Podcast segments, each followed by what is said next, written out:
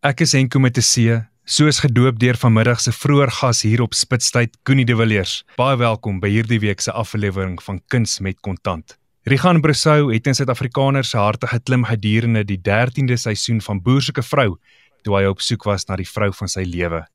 Kort na die laaste episode van Boer soeke vrou in 2021, het hy saam met die sangduo Reën Suid-Afrika verras met Vrystaat vlaktes wat oornag 'n groot treffer geword het en 'n plattelandse plaas gevoel het. Rigan, baie welkom op Kuns met Kontant. Baie dankie Enko en uh, dis lekker om hier so te wees. Die realiteitsprogram Boer soeke vrou het tot heelwat troues en teen die tyd baie babas gelei, maar nie tot 'n sanggroep nie. Daar's nog net een waarvan waarvan ek ook weet. Ja, nog net een sanggroep met die naam Reën. Jy was is 'n voltydse skaapboer wat begin sing het saam met een van die deelnemers aan Boer soeke vrou. So kom ek vra jou daai vraag wat almal jou vra en ek vra dit met 'n tong in die kies. Boer jy nog? Dit is vir my so snaak baie mense vra vir my en ek dink um, as mens so na die dinge kyk met reën en jy weet die plekke wat ons sien die shows wat ons doen, lyk dit dalk dalk of ek nie doen nie, maar ek is 100% besig om te boer en om musiek te maak om op te tree saam met saam met Nolien van Reën om liedjies te skryf, op te neem. Ek is besig met 'n met 'n klomp goeters aan my kant.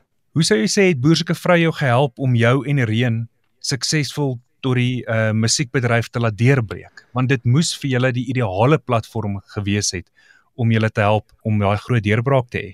Ek dink dit het definitief 'n uh, ongelooflik baie gehelp. Ek dink omdat Boersoeke vrou 'n uh, 'n baie loyale kyker het basies en ek ek het amper al gehoor ek of ek dink um, dit is een van die gewildste programme wat op TV is. So dit het definitief 'n verskil gemaak, maar een ding wat wat mense nogal moet noem is hoe dit voel en jy het dit ook nou genoem net na die laaste episode en dit voel vir mense as hulle dit nou in sequence vat dat net nadat dit verby is hier launch ons 'n liedjie, maar in die realiteit is dit maande nadat by klaar geskied is. Jy weet sien die mense sien die mense dit nou eers raak. So dit is altyd interessant. Mense voel dat hierdie goeters gebeur so in mekaar, maar eintlik gaan daar baie tyd tussenin verby. En ek dink wat mense ook nie besef nie, is dat musiek het nog altyd 'n manier gehad om jou deur jou lewe te volg. Want jy het vroeër in jou lewe en dis nog selfs voordat jy voltyds gaan boer het, het jy by Afrikaanses groot gewerk. Yes, ek het ek het menslike hulpbron bestuur gehad by die PIK nadat ek geswat het, het 'n baie goeie vriend van my 'n studio begin in Potch. En um, hy het vir my gesê ek moes toe begin werk so en hy vra toe vir my hoorie wil jy wil jy deel wees van hierdie van hierdie ding? Waarna ek eintlik op daai stadium ek het niks daarvan geweet nie. En ek dog toe jy weet dit voel vir my hierdie kan net 'n avontuur wees. Besluit toe ek doen dit en toe ek geskuif na die stad toe. Op 'n manier opgeëindig by Afrikaanses groot en en by Koleski en dit was ongelooflik lekker vir my as ek nou terugkyk van van die werke wat ek nou al gehad het behalwe boer, dink ek wat dit uh, was dit die lekkerste gewees. En jy het nou van die Koleskies gepraat.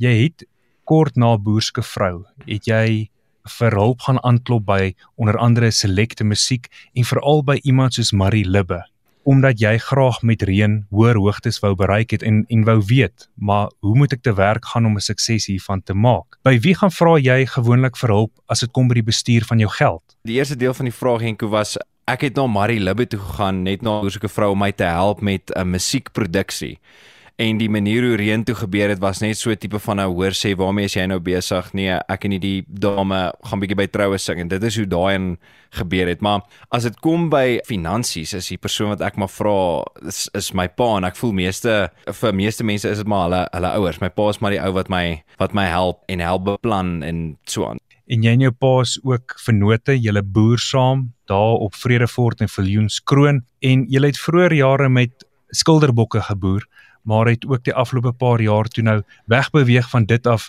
en oorbeweeg na 'n skaapboerdery toe. En ek is seker die aanpassings en die voer vir daai diere in daai omgewing is baie belangrik.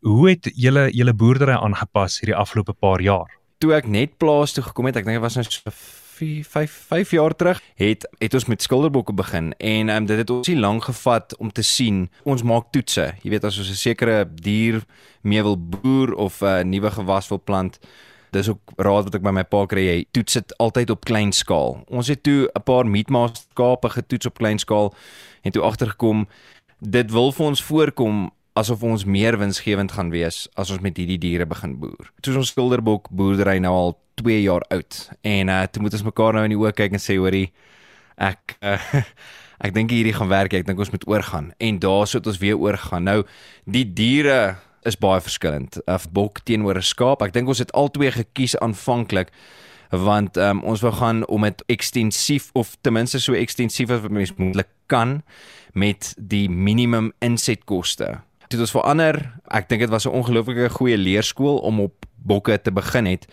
want dit voel vir my ehm um, daar was baie meer lesse, baie meer goed waarvoor mens moet pas op op die bokke as wat daar op die skape was. So ek dink in 'n manier het dit nou nie geslaag toe nie, maar dit het 'n goeie 'n goeie fondasie geskep vir my om aan te gaan met skaapboerdery.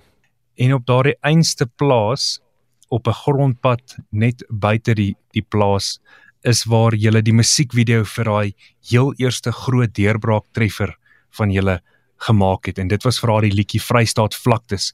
En ek onthou in die musiekvideo ry hulle daar 'n rooi SL Mercedes rond. Maar sê my nou want ek wil glo dat ek 'n fyn oog vir detail het. Is ek reg of verkeerd maar dit wil op 'n stadium vir my voorkom asof jy daai een plaaspad op die plaas oor en weer en oor en oor gery het om op die ou ende daai musiekvideo te skiet Hoorie nee, en ek wil vir sê jy het 'n jy het 'n goeie oog daar. Dit is 'n pad hierso tussen Vredefort en Parys. Is daar ons noem dit die stil paadjie om dit is nie die hoofpad tussen tussen Vredefort en Parys nie, maar dit is 'n teerpad en Marie Libbe het hierdie ongelooflike mooi Mercedes in die hande, hierdie rooi Mercedes afslaan dak het hy in die hande gekry en ons moes natuurlik op 'n teerpad met hom ry want die die eienaar het gesê ons mag glad nie op grondpad met hom want ek dink is 'n versamelstuk.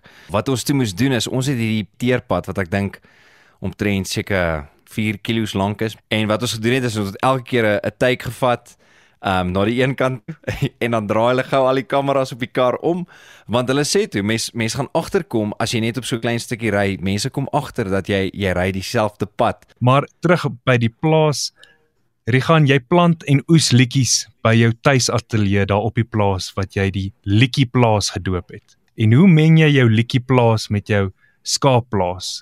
Want ek is seker jy gaan nie op toer tydens lamseisoen nie, want ek weet dan is dit gewoonlik jou besigste tyd.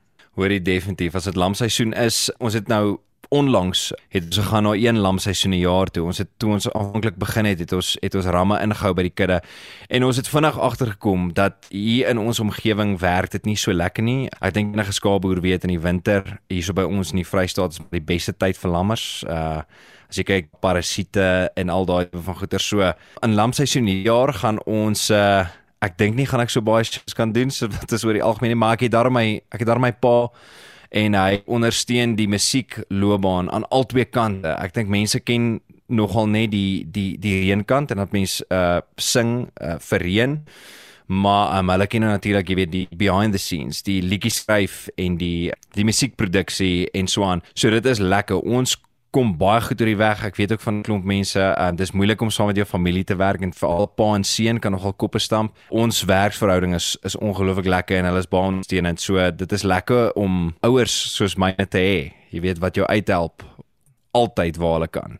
Jy is lief daarvoor om skryfskole en slypskole by jou liedjieplaas te hou, daar op die plaas in jou tuisateljee. Hoe kan skrywers en aspirant sangers voornemende sangers en skrywers kontak maak met liedjie plaas en met jou. Dis my ongelooflik lekker om te om te werk saam met mense. Ek leer natuurlik self ook nog baie. Ek sal myself nie uitgee as 'n as hierdie groot skrywer al nie. Dis my baie lekker as mense na my toe kom dat ons saam musiek maak hierso. So as, as enigiemand belangstel daarin, ek um, skryf liedjies saam met kunstenaars. Ek ek neem dit vir hulle op musiekproduksie dan kan hulle op Instagram gaan want ek is nie yes, as baie sleg met sosiale media en in reën is nou Lean die een wat hierdie goeders vir ons doen. Maar ek is op Instagram is daar 'n uh, account wat se naam net Likkie Plaas is, een woord. En as mense dit nie kan kry nie, kan hulle gerus vir my 'n boodskap op Instagram stuur. Dit is Rigan B I C H A N N B en ehm um, stuur vir my asseblief 'n boodskap as jy saam met my wil werk. Gewoonlik is die projek nogal lank dan uh bly mense hierso, ek maak vir ons 'n lekker vuurtjie. Ehm um, dit is regtig. Ek dink dit gee net 'n ander dit gee net 'n ander vibe aan die kreatiwiteit om hierso te wees. Een van julle groot treffers wat gereeld op RSG speel. Is julle onlangse of mees onlangse liedjie Skobbejak. Ek wil by jou hoor, wie is die Skobbejak in die liedjie en wat is die agtergrond van daai liedjie? Skobbejak is een van die liedjies wat ek dink vir vir ons ek kan dit nie vereen praat maar vir my is dit my gunsteling omdat dit anderster was. Dit is heeltemal anderster as die klank wat ons gehad het. Die Skobbejak daarin en hoe dit beplan is was obviously kom dit uit 'n plek uit waar waar jy self so voel. Mens voel baie keer dat jy die dat jy bietjie die die punt mis of die of die plot verloor in watter aspek dit nou ook al is van jou lewe. En so wat ek met mense gepraat het, ek agterkom vir al die manne nê. Ons sukkel om met mekaar te praat as mens bietjie die deur 'n tyd gaan. Maar waaroor die liedjie toe gaan is ek kom agter mens is in plek in jou lewe waar jy nie altyd trots is op jouself, op die besluite wat jy maak, wat jy wat jy doen nie en dit is waar dit begin het. Maar nou dat jy tyd gehad het om van die groot name in die bedryf te ontmoet en selfs saam met van hulle te werk, het jy dalk gesien want dis nogal iets wat ek nogal teëgekom het die afgelope ruk. Het jy dit dalk ook gesien of geleer dat die blote feit dat hulle op televisie werk of op radio werk of in tydskrifte verskyn beteken nie noodwendig dat hulle nie finansiële bekommernisse aan die einde van die maand soos soos ek en jy het nie. Definitief. As jy vat op die op die vlak selfs waar waar ons is en waar ons operate nou is is mense dink ek is onder 'n wanpersepsie dat as jy daarso is dat jy besig is om sakke vol geld maak en en die waarheid is onthou daar's twee mense in daai groep nê nee?